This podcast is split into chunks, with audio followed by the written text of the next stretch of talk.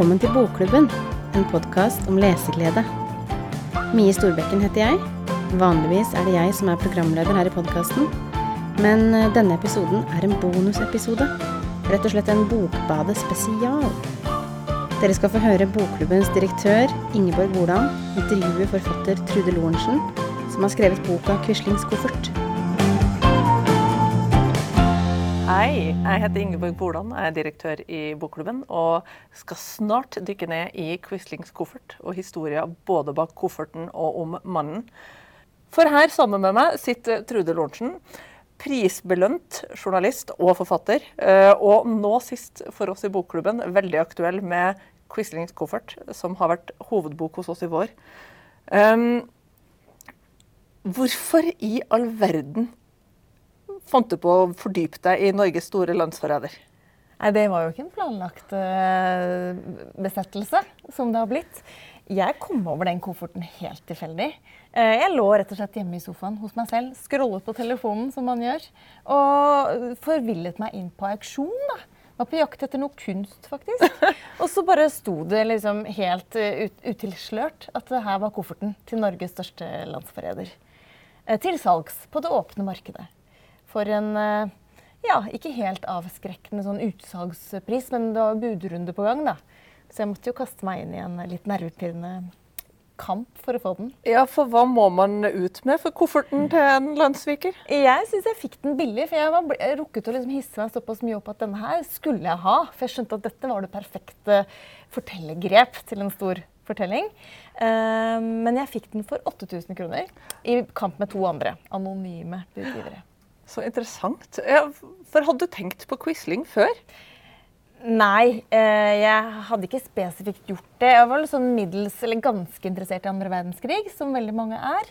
Men jeg har en dragning som historieforteller mot bad guys. Det må sies. Jeg syns alltid at skurkehistoriene er mye mer spennende enn heltehistoriene.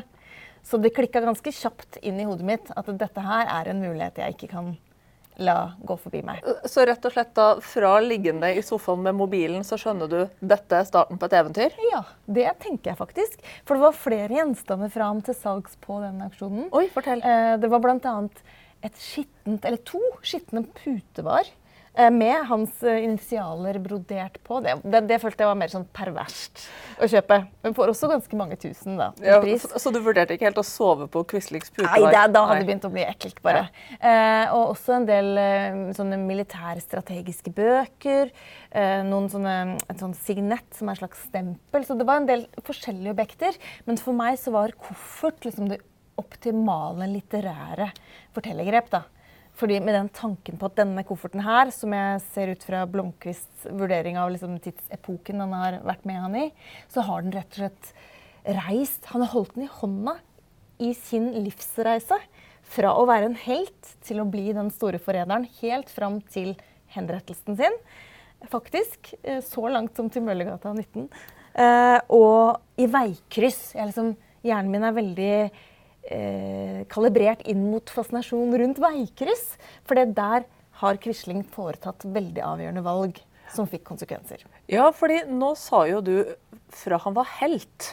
Og det må jo jeg innrømme at uh, før jeg leste denne boka, uh, så er nok ikke det det ordet jeg hadde kommet til å tenkt på uh, når vi snakker om Vidkun Quisling. Og jeg er jo født 35 år etter hans død, og har på en måte visst at han greip makta i Norge litt sånn opportunt, kanskje, 9.4.1940.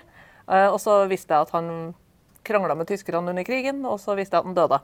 Eh, Det var ca. det. Det Nøyaktig like lite visste jeg. Ja. Like mye. Det var det. Jeg tror det er veldig representativt for hva man går rundt og vet om han. Og blond sideskinn. Ja, ja nei, og det fins noen sånne bilder som er litt sånn eh, klassisk norsk høyreist, litt mutt. Ja, det, det, var, det var omtrent mitt bilde av Quisling. Um, men fortell, hva, hva, hva fant du ut, da? Ja, for jeg visste ikke mer enn det der, og det er jeg litt glad for. For jeg tenkte at eh, andre verdenskrigslitteratur eh, en del eh, domineres av eh, ganske høye, mørke, middelaldrende menn. Og de skriver gjerne litt mer innforstått, litt mer sånn Jeg føler meg litt dum i møte med det, den, deres fortellinger, fordi det er mye årstall og mange etternavn å holde orden på, rett og slett. Og jeg tenkte at her kan jeg bruke det som en styrke å være den detektiven som eh, går inn i dette og lærer underveis selv. da. Ruller opp historien uten å være en altfor innforstått person fra start.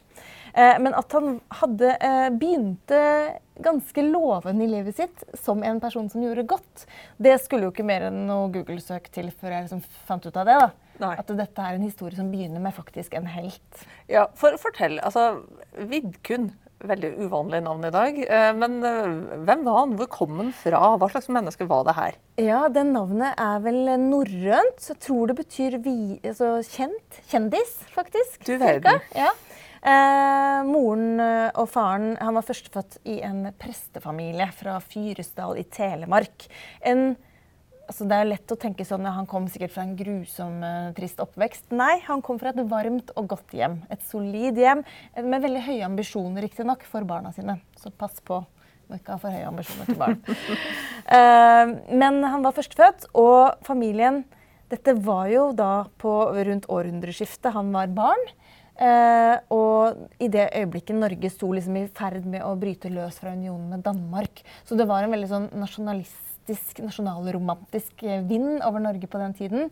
Og foreldrene var veldig stolte og liksom lullet barna sine inn i veldig mange sånne flotte forestillinger om det norrøne og sagatiden. og Ja, for Vi har jo nylig vært i en nasjonal debatt om bildene til Christian Krohg fra ca. den samme perioden. faktisk. Det, det er litt den ånden vi snakker om her. Og vikingtiden. De, de var veldig, altså han ble, fra han var en liten gutt, veldig selv, selv liksom stolt av at han var født på samme dato som slaget i Hafrsfjord. Eh, Da Norge ble samla til ett rike. ja, det var det vel. Ja. Og veldig opptatt av Olav den hellige og Harald Hårfagre. Fra han var liten, altså. Så man kan vel sikkert være dette uten å ende opp som denne mannen gjorde det. Men uh, allerede derfra så hadde han i hvert fall noen litt sånn grandiose tanker, da. Nemlig.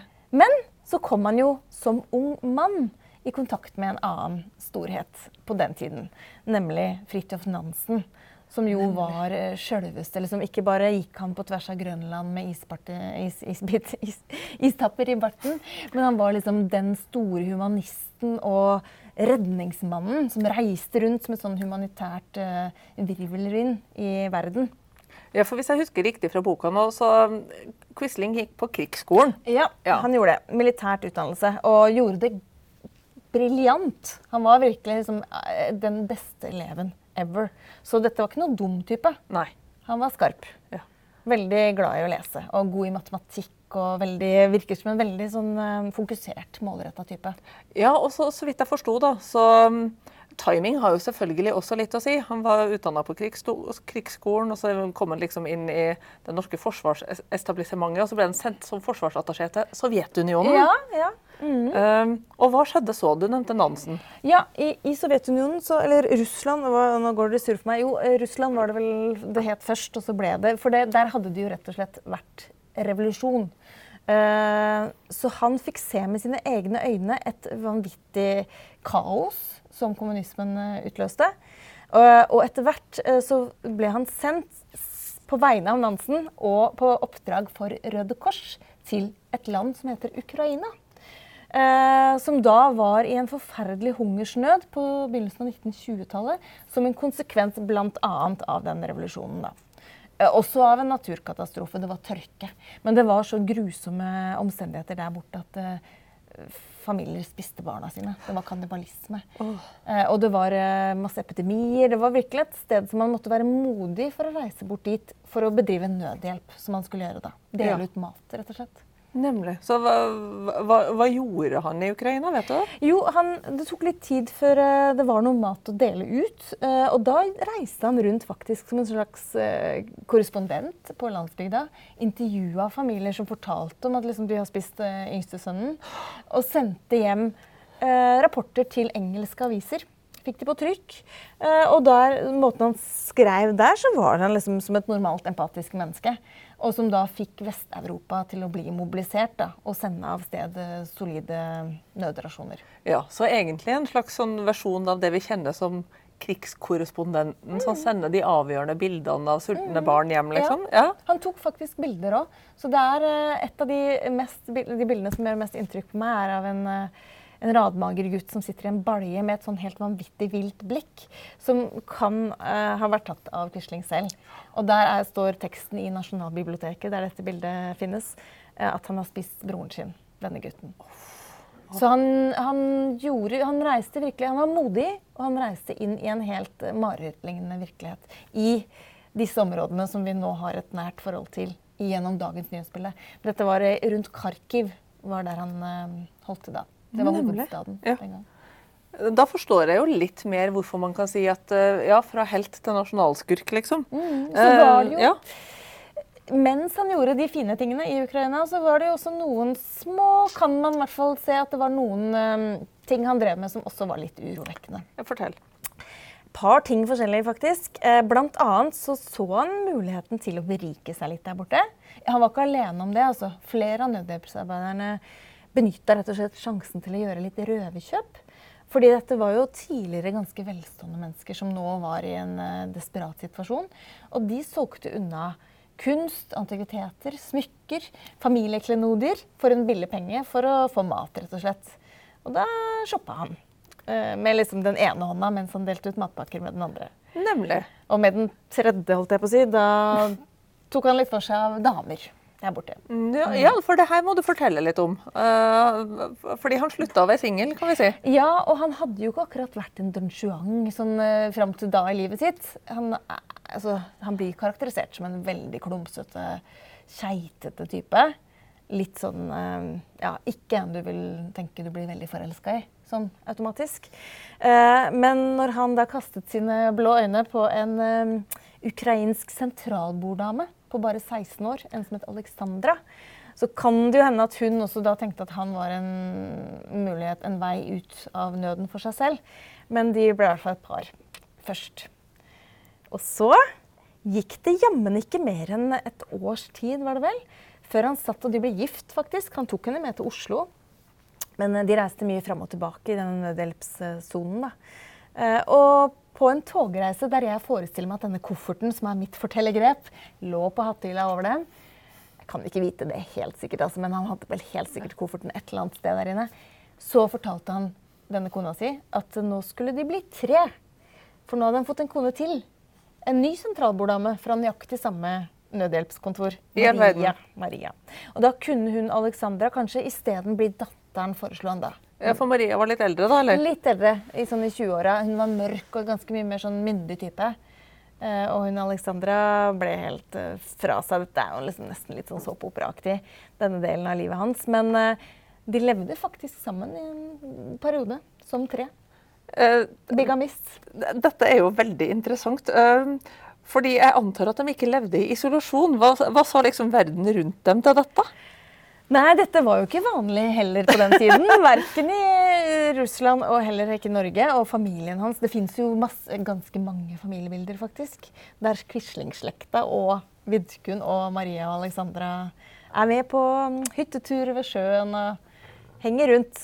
Eh, det ble sett på med forundring. Jeg kan liksom se for meg når faren din er prest, og i det ja, hele tatt, og så ja. kommer sønnen din hjem med kone én og det som tidligere var kona, som nå er dattera. Ja. Eh, litt klein stemning i det familieselskapet. Ja, men så mente han selv da, at han bare ble veldig misforstått. Han var liksom litt sånn forulempa. Oh, ja. At ikke de skjønte at han har jo bare prøvd å hjelpe her. Nesten sånn uhjelp på et sånn individnivå, da. Mm.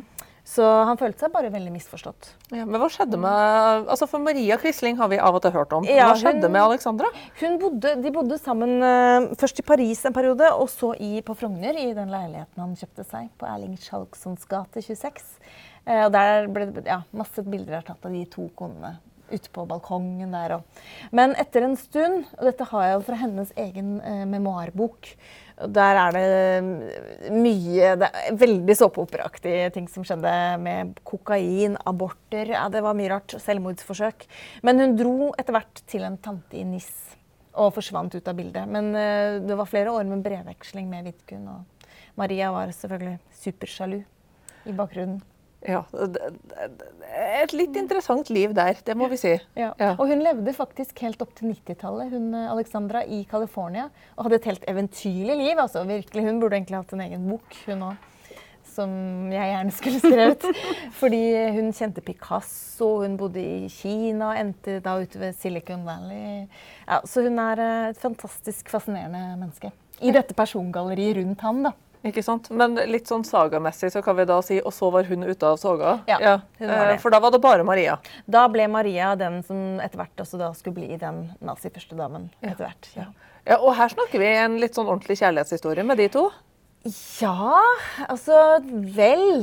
Modus operandi til Vidkun var jo da, som vi har sett fra den, deres to, dette bigami-ekteskapsopplegget, at han, han gjentok faktisk, et, etter det jeg kan forstå, flere ganger det å rigge seg til og prøve å få en ny dame bak ryggen til den han hadde, med da hushjelper. Flere hushjelpeintriger har jeg etter hvert eh, fått eh, snusen i. Nemlig. Og til og med etter at denne boka ble skrevet, har det kommet nye kilder til meg og med nye hushjelper. Alle gode husholdninger på den tiden her hadde jo et sånn pikerom med piker, eller mm, søte unge kvinner, som eh, stelte i hjemmet og lagde mat og ordna. Og Vidkun, i likhet med sikkert ganske mange av mennene i den, på den tiden, det var metoo. Eh, vi, vi kunne ha hatt et metoo-opprør på 30-tallet, liksom. Ja, og han var faktisk ikke den verste, sier denne hovedhushjelpskilden min. da. Nei. At det fantes veldig mye verre. Han var litt, igjen litt, sånn litt klønete, men han gjorde jo framstøt. Og han foreslo til hun ene som heter Else eh, Da befinner vi oss liksom i 1937-38 her. Er hennes, etter det jeg kan forstå, ganske dokumenterte og solide vitnesbyrd at han foreslo at de to kunne bare rømme fra alt over til Amerika. Da hadde jo norgeshistorien sett annerledes ut Det får vi si. rett og slett. Så Ja. dum, dumt for oss i Norge at Elsa avslo. Og Maria fikk vel aldri vite engang at dette hadde vært en mulighet. Ja, nei, fordi nå er vi da litt på 1930-tallet. Altså, Ukraina-krisen var på 1920-tallet. Han jobba med Nansen, var fram og tilbake mellom Norge og Sovjetunionen. Og kom tilbake og Altså, det jeg vet om fra før, er jo at han bygde opp Nasjonal Samling, liksom. Men Ja. det, det var ikke det første han gjorde, liksom. Nei, han kløna jo litt Han ble veldig redd for kommunismen gjennom sine erfaringer i øst. Det er det ingen tvil om. Men faktisk så var det en periode der han også leflet litt med kommunismen her hjemme i Norge. Eh, og Arbeiderpartiet, som på den tiden var veldig radikalt, som hadde offisielt erklært at de ønska en væpna, verdensomspennende kommunistisk revolusjon velkommen. Det var ganske gjorde at norsk politisk liv var veldig stressa på at det her er et veldig stort norsk parti klar for revolusjon i vårt land også. Eh, så han flørta litt med dem. Kom med noen sånne klumsete forslag om at han kunne etablere noen sånne røde garder for dem, og så ble han bare avvist der. Og da vendte han seg mot borgerlig side. Og da han, eh, etter å ha vært faktisk forsvarsminister for Bondepartiet en liten periode, òg, han drev liksom og snuste litt rundt. Eh, så etablerte han det partiet, og det er ikke før jeg liksom har gått litt dypere inn i det, jeg begynte å tenke på hvorfor det het Nasjonal Samling. Hans grunnidé var at jeg skulle samle hele den borgerlige siden i norsk politikk mot denne farlige, radikale Arbeiderpartiet og kommunismen. Så ville jo ikke de andre borgerlige partiene være med på samlinga hans. da. Så ble det et ganske lite radikalt høyreparti. høyreparti. Og vi, sånn, når vi tenker til, tilbake fra, liksom, fra vårt ståsted, så virker jo det her veldig ekstremt. Og du har kanskje sett bilder av folk som går rundt i uniform. og liksom, du Man hø hører kanskje om slåsskamper, og at eh, NS-folk ble banka opp, eller at de banka opp andre og sånn. Men når man liksom setter seg litt inn i mellomkrigstida, så er jo det her med fascistiske og nasjonalistiske og radikale partier det er jo noe du ser i veldig mange andre land også. Absolutt. Det foregikk jo i, Italia først, Mussolini, og så Hitler, Adolf eh, da, eh, med den tyske versjonen som ble kalt nazismen. Eh, og det var jo en sånn paramilitær, autoritær del av politikken, dette her, som hadde liksom tenkt at forkastet, i likhet med kommunismen faktisk, tanken på at et liberalt demokrati, det kan vi ikke drive med. Det er noe vaklevorne greier. Nå må vi ha sterke krefter og ordne opp i samfunnet her. Eh, og eh, fascismen i utgangspunktet var jo mest kommunist, eh, som en motsats til kommunismen. Mens, eh, og også Quisling i begynnelsen på NS, så var det den helt åpenbare liksom, overordnede temaet. Så kom da et, et, et, Etter hvert som det er litt komplisert, dette her, men at Arbeiderpartiet etter hvert modererte seg ganske mye, gjorde at Quisling og NS fikk et problem. Hva er vi imot da? Ja, Vi må finne en ny kampsak, rett og slett. Og det var da tyskerne med sitt eh, glødende jødehat eh, var da Da var det den veien han valgte å gå isteden. Ja, nemlig. Og, og hvor stor var denne NS-bevegelsen, da?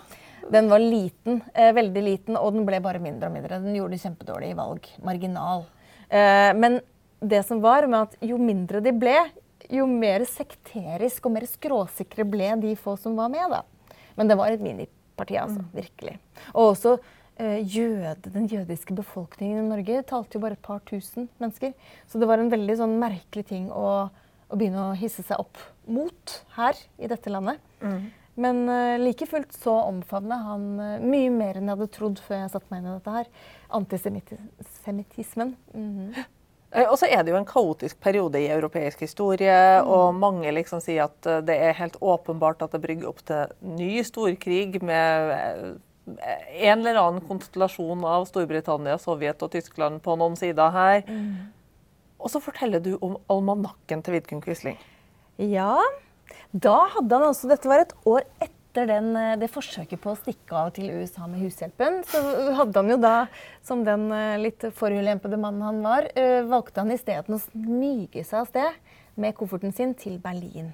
Og da var jo han bare en, en norsk sjef for et bitte lite naziparti, men så klarte han faktisk å manøvrere seg inn til Adolf Hitlers kontor i Rikskanselliet. Og få lov til å komme inn der til Han var jo da en av Europas mektigste menn. Ja, og her snakker vi altså vinteren 1939. Da har jo Tyskland, Andre verdenskrig. Ja, da, andre verdenskrig har jo begynt. Ja. I Norge har vi en tendens til å tro at den begynte i 1940, men 1.9.1939 Ja. Mm. invaderte Tyskland Polen. Mm.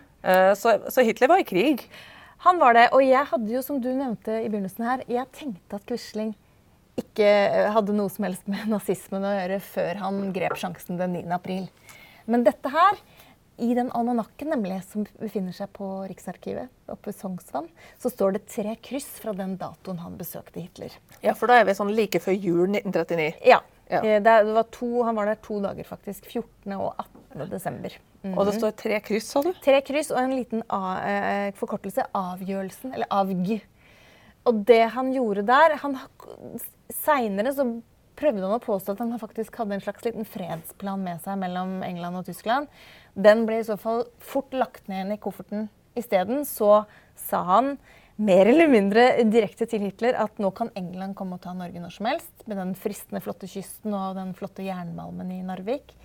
Eh, Så det er bedre om dere kommer i forkjøpet, og så kan kanskje jeg få en rolle. Nemlig. Ja. Eh, Og, og hva det- sa Adolf til dette? ja, og det som faktisk er, Dette er fra tyske protokoller, altså dokumentert, at Adolf Hitler hadde på det tidspunktet der vært bestemt seg helt tydelig for at Norge skulle holdes nøytralt under andre verdenskrig. Ja. Så det at denne nordmannen kom på besøk, og som gjorde at Hitler øyeblikkelig etter at Quisling hadde reist, begynte å beordre da forberedelsene av det som skulle hete Operasjon Weserübung. Studie Nord het det først. Som er invasjonsplanen av Norge og Danmark. Det er ganske spesielt at dette besøket fikk han til å tenke annerledes om Norges rolle. da. Ja, og nå nevnte du jo da Operasjon Weserübung, og det tar oss inn til aprildagene i 1940. Som jo er det de fleste av oss vet om om Quisling. Um, var det helt selvsagt at han liksom skulle bli norsk, eh, norsk statsleder under tyskerne? Nei, for i den Weserübung, i de papirene, så står det ingenting om Quisling. Eh, Hans Fredrik Dahl, som er en stor eh, Quisling-kjenner, han, han har fortalt meg om at Hitler hadde et ord på tysk som het integer. Det betyr noe sånt som plettfri. At Hitler ville holde Quisling i bakgrunnen. un- Han skjønte at det å overfalle et, eget, eh, et land ikke ville bli veldig populært. Så han ville liksom ikke besudle å gjøre Quisling upopulær. Eh, Han kunne heller kanskje få en politisk rolle etter hvert. Ja. Så dermed så tok Quisling saken i egne hender, da? Ja, for så gikk det jo ikke helt som planlagt, akkurat dette overfallet. Eh, Quisling, som hadde gitt militær hemmelig informasjon til tyskerne faktisk uka før i København på et hemmelig møte på et hotell, hotell Angleterre eh, på Kongens Nytorv, han hadde glemt da, å fortelle om eh, disse kanonene ute på Oscarsborg og torpedobatteriet, tydeligvis. Eller vært litt slumsete med informasjonen der. Så da gikk jo flaggskipet ned, da, Blücher. Og ingenting gikk som det skulle for tyskerne den dagen. Og det var da Quisling altså Han ble faktisk kjørt kvelden før av eh, nazivenninna si eh, med kofferten til Hotell Continental. som befant seg på det hotellet uklart med hvilken rolle han skulle ha.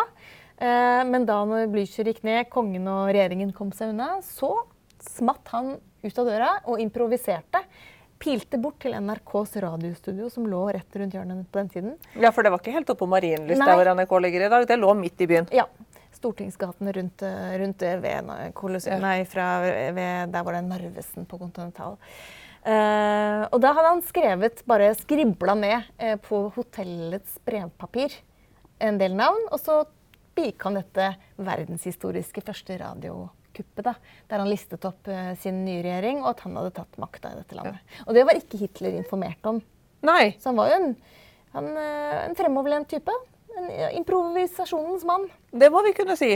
Um, og så hadde han kanskje ikke helt forutsett hvor utrolig upopulær det der skulle gjøre han, eller? Nei, for det var jo egentlig da at han ble den berømte forræderen. eh, Det, dette hatobjekt nummer én. Det var jo det øyeblikket der.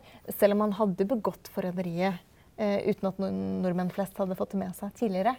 Og selv Churchill eh, merket seg jo denne blonde mannen som gjorde seg så spektakulært upopulær at også med det, dette navnet som visstnok klinger spesielt ondt på engelsk, eh, sørget Winston Churchill tok det i bruk som et universelt ord for forræder. Og som er grunnen til at det står i Oxford Dictionary den dag i dag. Ja, for det er jo et av de få norske ordene, og sannsynligvis de eneste norske navnene, eh, som inngår i liksom verdens kollektive vokabular. Ja, Quisling er forræder. Forræder, Judas, eh, ryggdolker og slange som snor seg gjennom gress. er eh, det, forskjellige synonymer, da. Mhm. Så det ble han. Eh, og så hadde han heller kanskje ikke helt sett for seg altså, eh, Hitler og Quisling fikk et veldig spesielt forhold. Hitler, eh, Gjennom hele andre verdenskrig så holdt Hitler en slags eh, det, vinge over Quisling.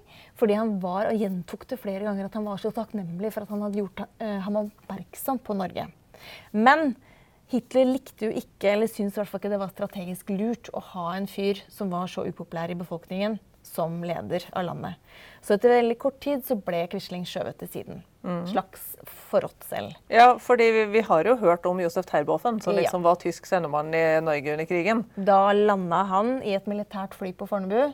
Kom ut, Han så nærmest ut som han hadde kledd seg ut som nazist. Han kom liksom med skinnfrakken sin og det iskalde blå blikket og slepte litt på det ene beinet etter en flystyrt han hadde vært igjennom. Og, altså Som selve inkarnasjonen av tysk eh, brutalt styre. da.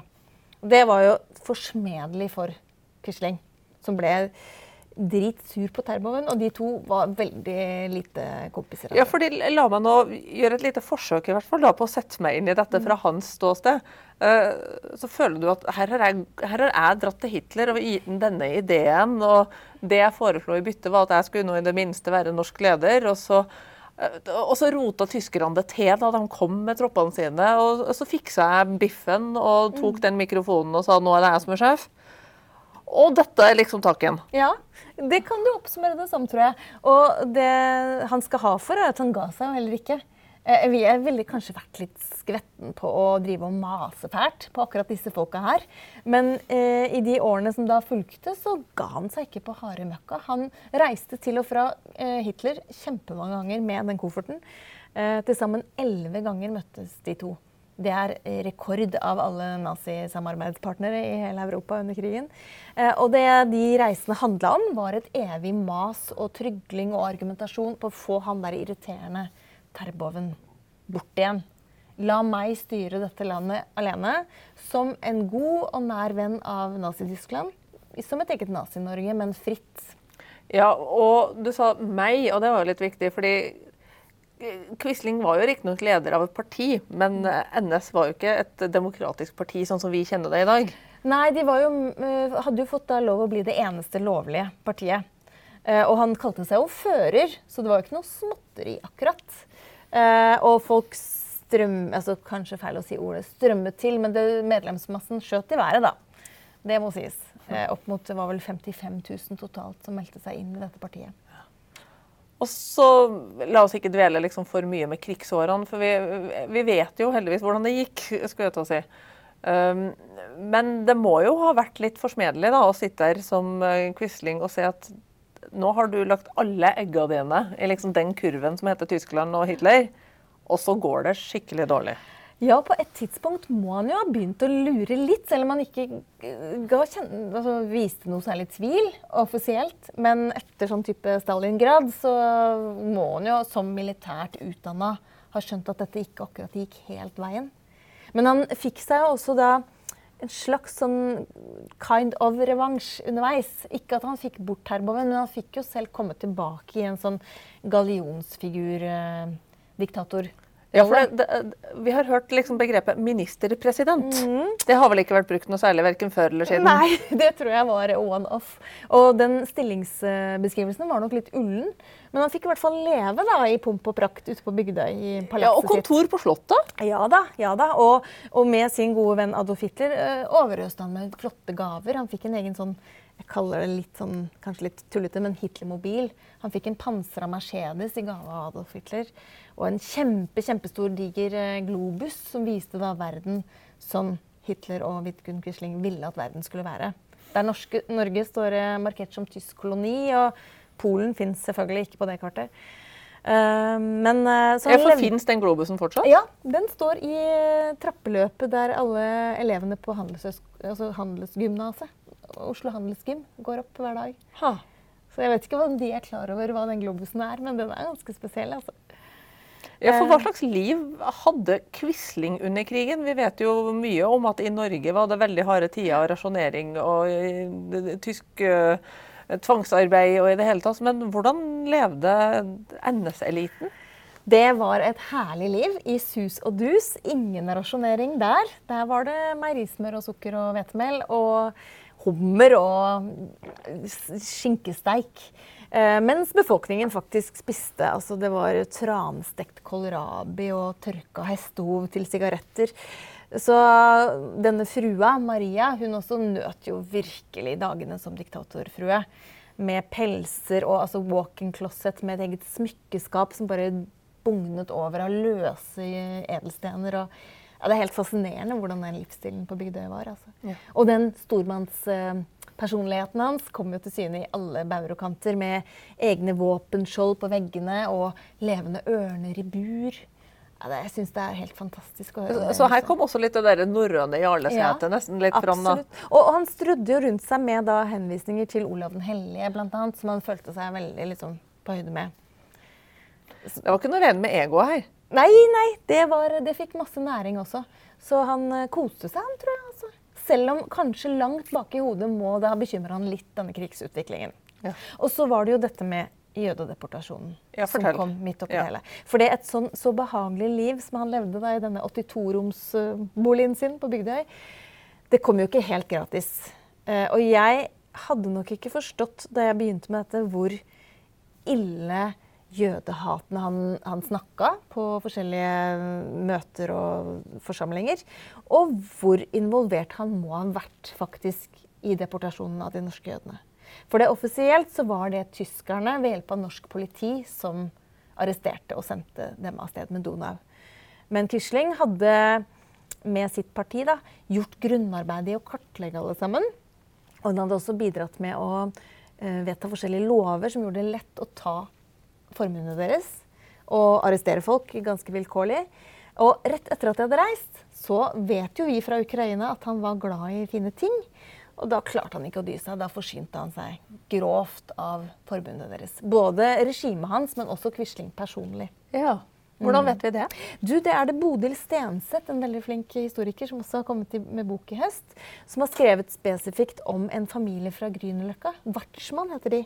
Eh, som var antikvitetshandler. Og der Quisling da, med sin lidenskap for kunst og flotte ting, rett og slett eh, plukka den og den helt spesifikke gjenstanden og innredet sitt eget hjem med. Nemlig. Så hun kan følge de tingene.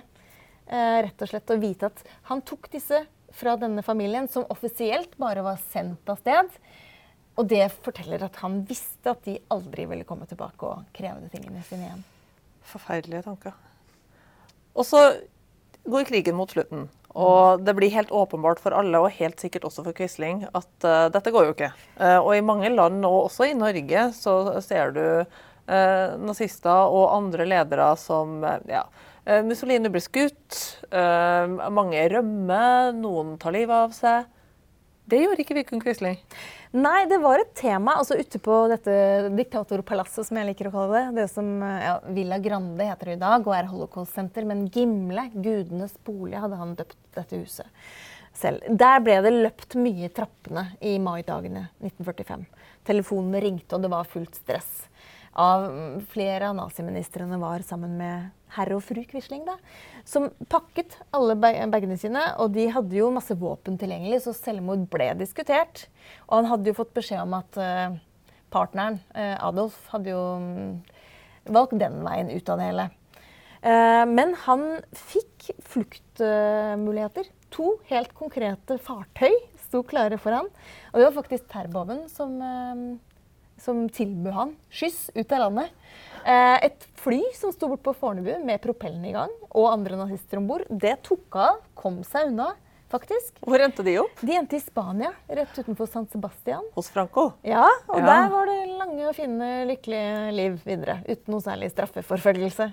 Og så var det en ubåt, en helt konkret ubåt utenfor Bergen. En ubåt, rett og slett? Mm. Jaha, fortell om den. Det var flere ubåter i norske farvann disse dagene her.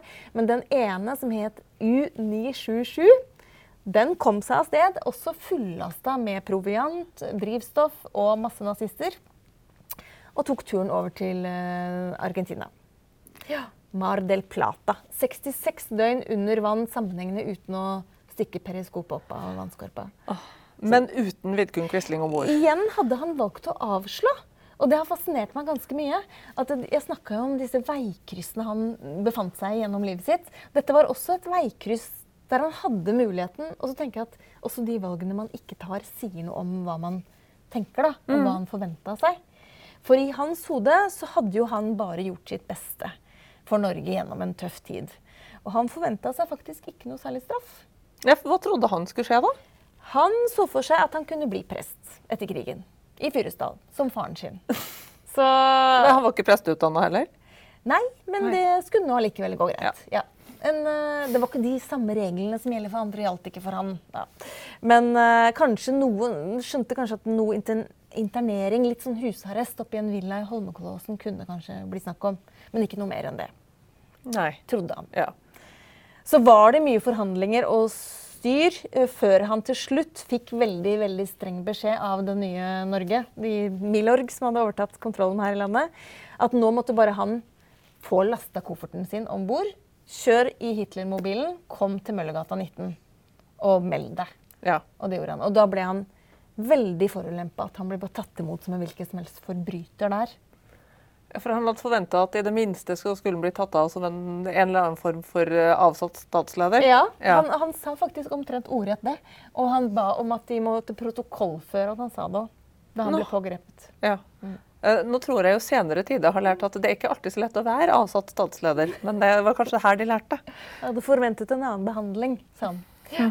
Og det er også veldig morsomt, jeg må bare si det. Altså det, det, der med å lese disse politi Det er så mye fantastiske gullnøde dokumenter. Selv om det høres litt kjedelig ut, så har jeg blitt helt henført av å bare høre tonen i de politirapportene.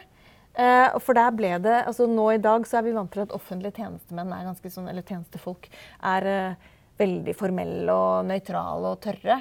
Men den gang da var det fullt frislipp av følelser i, i loggføringen.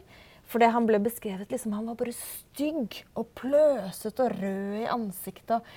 Denne politimannen som skrev rapporten, det var liksom Du kjenner at liksom det dirret av hevngjerrighet. Det er jo en grad av forståelighet i det, da. Ja, og jeg tror nok eh, altså du, Man kan også høre på Filmavisen, som var datidens slags Dagsrevyen. Som jo hadde vært propagandaorgan for naziststyret.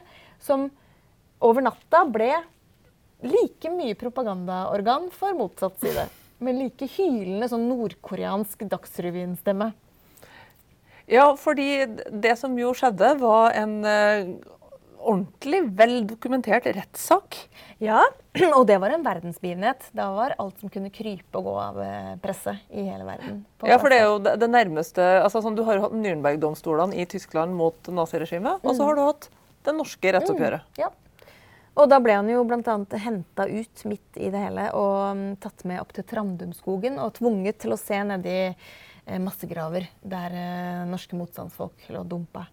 Så han eh, det, det frådet av hevngjer- hevngjerrighet, altså. Og så var det jo Ja, altså i dag Vi, hadde, vi husker jo Breivik-rettssaken og hvor stor spenning som ble knytta til om han var hva heter det, sånn strafferettslig tilregnelig. Eh, det var en diskusjon det ikke, var så, ikke gikk så langt inn i på den tiden her. For det, når man fordyper seg i hans eh, personlighet, tenker man jo kanskje at det var, eh, var ikke helt, eh, helt normal i toppen. Men det ble mm, ikke utført en sånn ordentlig rettspsykiatrisk granskning av han. da. Nei. Bortsett fra han ble sendt opp midt i rettssaken, så ble, var det en nevrolog fra Rikshospitalet som insisterte på at han måtte blitt sendt opp og få tatt røntgenbilde, så vi i hvert fall fikk utelukka at det var en svulst. Ja, for det fins faktisk bilder av hjernen til Quisling. Det gjør det. Og den viste at det var ikke noe svulst. For det kunne jo hende at landsviket kunne forklares med en sånn ond klump her. Jeg tenk så enkelt det. Hvis ondskapen hadde ligget som en klump inni hodet. Ja. Ja. Det hadde kanskje vært lettere å forholde seg til. Kanskje. Men eh, det ble utelukka, da. Så Norge var jo sånn sett en rettsstat i hvert fall som gjorde såpass. Før de dømte han til døden. Og han satt fengsla også på slutten og- på Akershus festning. Han var litt fram og tilbake mellom Møllergata 19 og Akershus festning. Og der fikk han jo stell, da, pleie av, eh, med liksom B-vitaminsprøyter i låret her. og det var også sånn veldig mye undring ute i befolkningen. Hvorfor skal vi drive og stelle med en fyr som vi, før vi skal drepe han? Men uh, uh, han skulle jo Norge, Staten Norge hadde bestemt at livet hans skulle tas. Ja. Men sjelen kunne han jo få lov til å få hjelp av en prest til å redde og kanskje be om unnskyldning for sine synder, da. Ja, ja, så det er en prest som liksom hadde som jobb å prate med Quisling underveis. Ja, og faktisk altså sjelesorg. Ja. Eh, kanskje hjelpe han eh, å komme til Gud, da, rett og slett. Eh, hvis han kunne bekjenne sine synder. Og det var jo en litt ekstra utfordring for eh, altså en tung dag jobb, på jobb med denne klienten her. Det kan jeg jo tenke meg. Hva, hva vet vi om det? Han var veldig lite i stand til å unnskylde noe som helst. Og det vet vi også fra kjærlighetsbrevene med ek mellom ektefellene Quisling. Ja, De- fordi Maria, hun var der. ja, Altså, ja. hun fløy rundt omkring, prøvde å få hjelp av uh, Gud og hvermann til å benåde han. Alt fra kong Haakon til uh, altså Hun skrev jo til og med til Stalin. Hun, og Einar Gerhardsen. Hun prøvde å liksom appellere til alle og snakke alle etter munnen. Delvis smiskende og truende. Hun brukte alt hun hadde i registeret sitt. Det hjalp jo ikke i det hele tatt. Eh, Men så skrev de to brev til hverandre, sånn helt opp til henrettelsen. Og det er superfascinerende lesning. ja, for de brevene fins. Ja, de har jeg holdt i med mine egne hender. De, de- altså, de jeg ligger på Nasjonalbiblioteket, på Solli plass. Og der kan man jo liksom se liksom, hvordan de ser på seg selv, da. Og de er så fornøyd med De føler seg så misforstått og ja, fornærma til at det skulle gå så galt mot dem som bare har gjort sitt beste, dette ekteparet. De bare eh, boostet hverandres ego på slutten der. Og det var mye snakk om Gud, og også kjærligheten. Dette, du, du snakket om hvordan denne kjærlighetshistorien. Det var i hvert fall et slags afrodisikum. En dødsdom er tydeligvis en, en virkelig stimuli da, til å Så, altså, så det er litt sånn steamy brevføring her, rett og slett. Ja, det var heite saker, altså.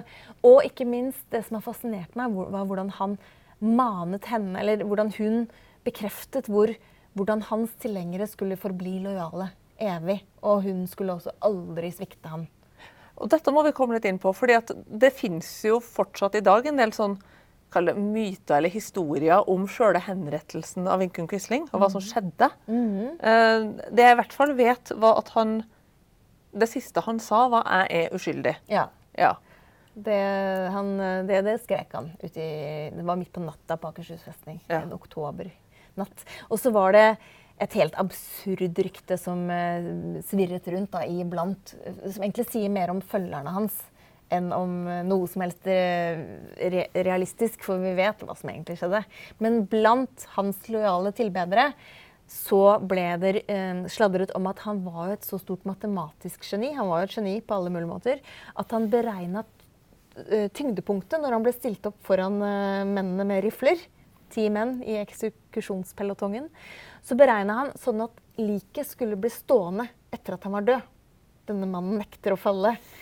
Han var for det første bundet fast i en slags sånn skyteskår. og Øyenvitneskildringer beskriver at han sank sammen i tauene. Så det var ikke noe hold i det ryktet. Men det sier litt om en sånn ihuga eh, fanatisme. da. Ja, for hva skjedde etter at han var borte? Altså Med dette miljøet. Vi vet jo hva som skjedde med Norge og liksom etterkrigshistorie. Ganske godt dokumentert. Men eh, ja. Det, det fins en skikkelse som kalles fru Bang. Fru Bang. Og hun, dette, det var pikenavnet til Quislings mor. Uh, og Marias dekknavn etter krigen. Uh, Maria Quisling fikk ikke noe straff i det hele tatt. Det fikk derimot ganske mange, nesten alle som hadde vært medlem av NS, uh, mista bl.a. statsborgerlige rettigheter i ti år. Og det var ulike grader av fengselsstraffer. Men i det miljøet her så ble det jo da Vi kan også si at de ble i minimal grad inkludert i Norge. De ble utstøtt og forhatt. Sånn at, det, at de stimlet sammen og liksom ble et ekkokammer for hverandre, er faktisk ikke så rart. da. Og førstedamen i dette miljøet, det var og forble fru Quisling. Eh, fru Bang. Som bodde i den samme leiligheten som de hadde hatt eh, før krigen, eh, på Frogner fikk etter hvert ut alt som var av antikviteter og flotte møbler fra Ukraina-tiden. Innredet det. Hun var super, eh, sikkert med grunn og paranoid for å gå utendørs. Hun holdt seg veldig inne. Var denne sortkledde, mystiske skikkelsen.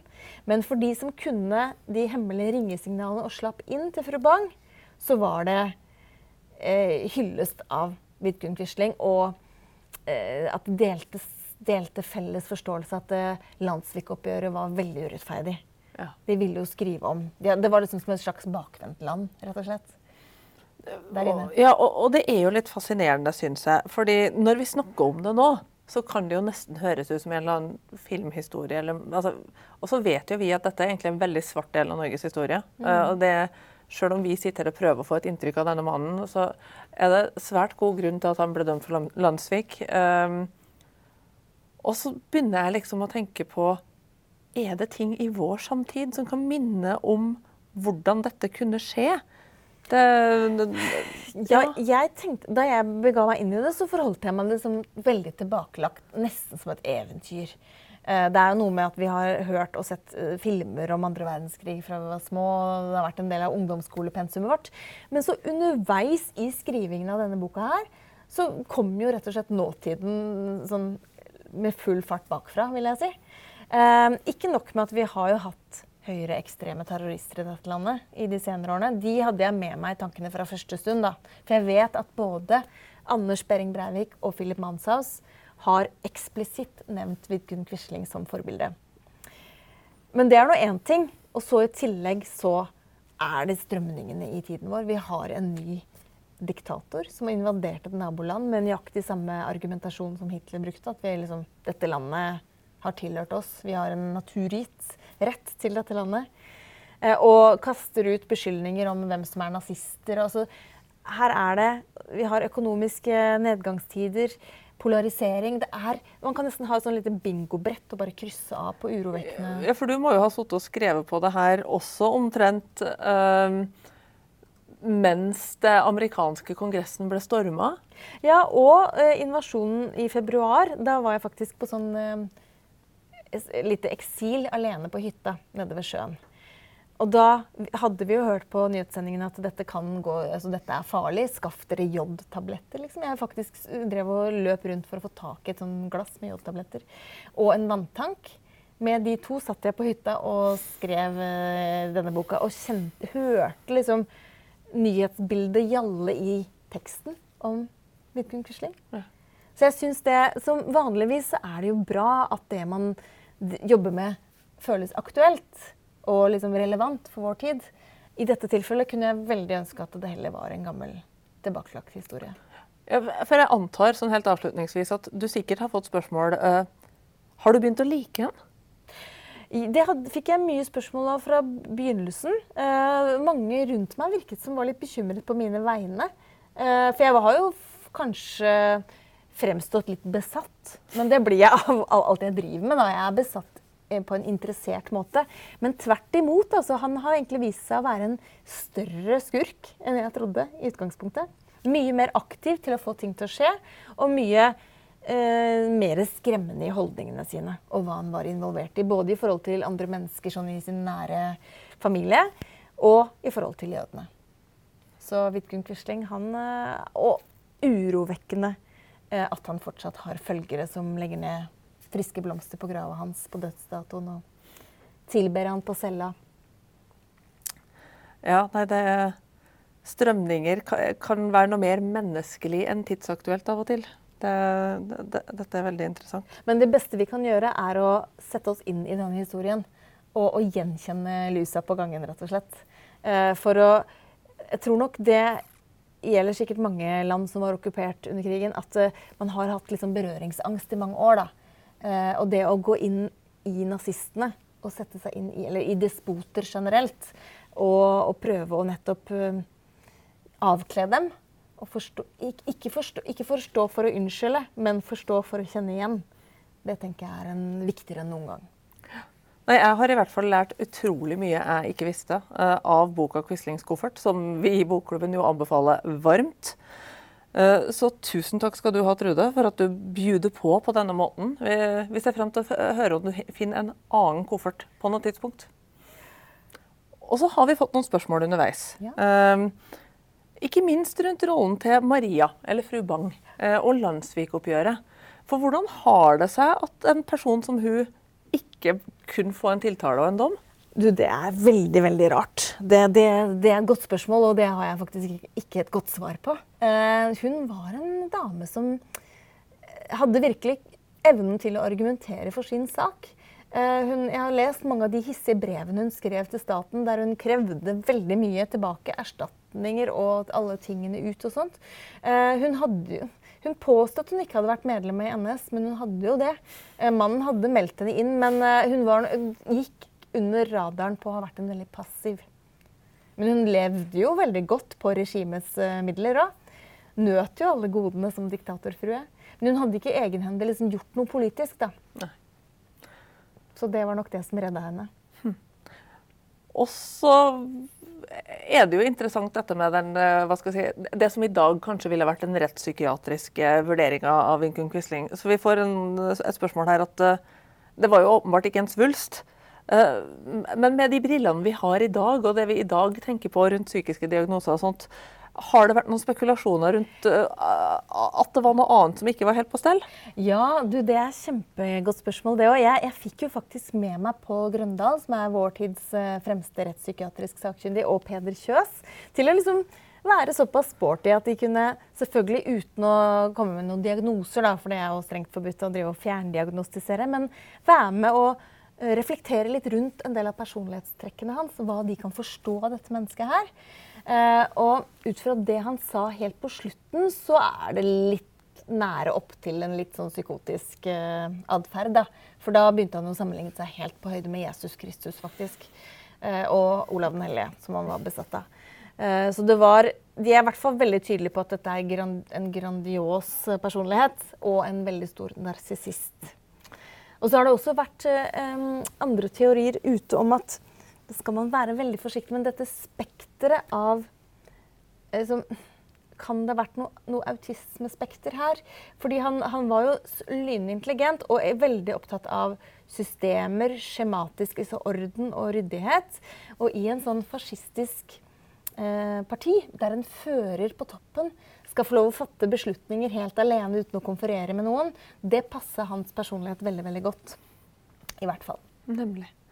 Uh, og, og, så hørte vi jo at uh, altså NS varierte litt opp og ned i størrelse, og særlig da det ble det eneste tillatte partiet, så meldte mange seg inn og sånt. Uh, men hvor mange var det faktisk igjen som var lojale følgere da han døde? Altså, og som ble denne etterkrigskretsen? Åh, det, det, har jeg ikke noe ordentlig tall på. Jeg vet at det var 55 000 cirka, som fikk landsvikdom.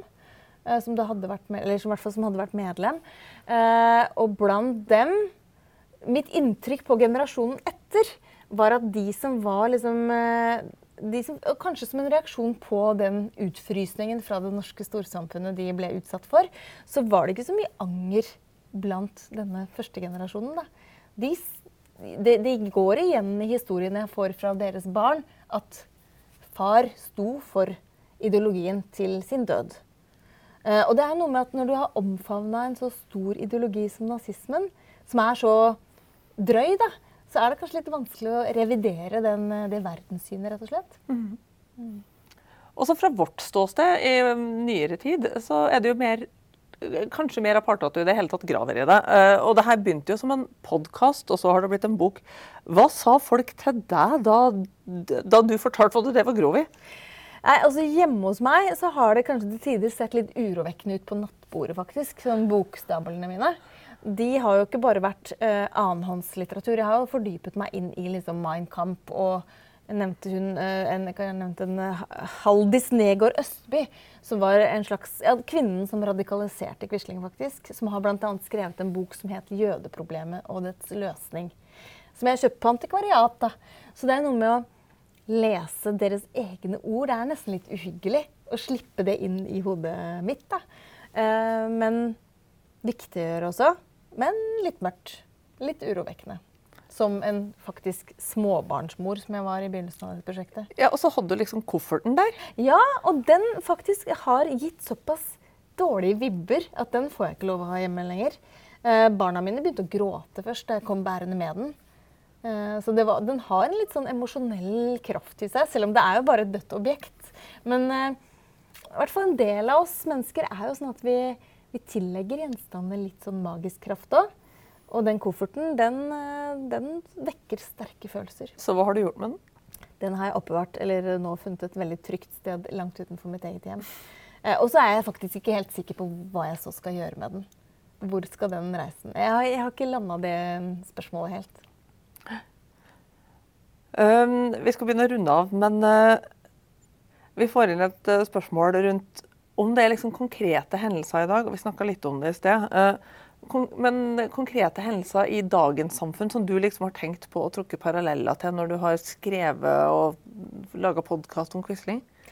Jeg syns jo den polariseringen som vi ser både i USA og, og i eh, Europa altså det, er, det er kjempeurovekkende tendenser nå. Og med strømkrise, prissjokk, folk eh, som blir kastet ut i dårlige eller utfordrende økonomiske tider. Farlig den derre oppslutningen rundt sterke eh, udemokratiske krefter. da. Eh, at man vil gå til ytterlighetene, vende seg innover i landet sitt, ned med internasjonalt samarbeid. Det er jo liksom er jo bare å lese om 30-tallet, dette her. Vi må ikke være så dumme at vi lar ting skje igjen. Nei, det, jeg kan i hvert fall si at eh, jeg fikk en ny refleksjon rundt denne perioden da jeg leste boka di. Mm. Så det kan vi jo eh, virkelig anbefale. Mm. Og det er det både faktalitteraturen og skjønnlitteraturen kan hjelpe oss til. Å prøve å forstå og føle. Ja, for det, Vi kan jo kanskje føle oss litt avmektige og bli bare vettaskremt. Men jeg tror at en opplyst befolkning, en befolkning som kan historie, og kjenner igjen altså At vi blir litt mer robuste for å slutte opp rundt sånne eh, antidemokratiske strømninger. Da. Og da er jo heldigvis Norge i vårt land så er vi jo Virker demokratiet ganske robust og solid ennå. Men at det amerikanske demokratiet skal befinne seg på kanten av randen av sammenbrudd, hvem hadde vel sett for seg det? Ikke jeg. Nei, vi tar med oss det som en sånn god påminnelse om å lære av historie. Tusen takk skal du ha, både for at du har skrevet denne boka, og at du hadde lyst til å liksom dele litt av prosessen bak med oss i Bokklubben. Takk for at jeg fikk komme. Hvis du fikk lyst til å lese boka 'Quislings koffert' nå, så finner du den og mange andre bøker på bokklubben.no. Og hvis du som oss liker å dele leseopplevelser og boktips, så bli med i Facebook-gruppa vår. Mer leseglede med Bokklubben heter den. Vi er snart tilbake med en ny episode. Neste gang skal det handle om Lucinda Riley og hennes eh, serie De syv søstre. Og til da god lesing.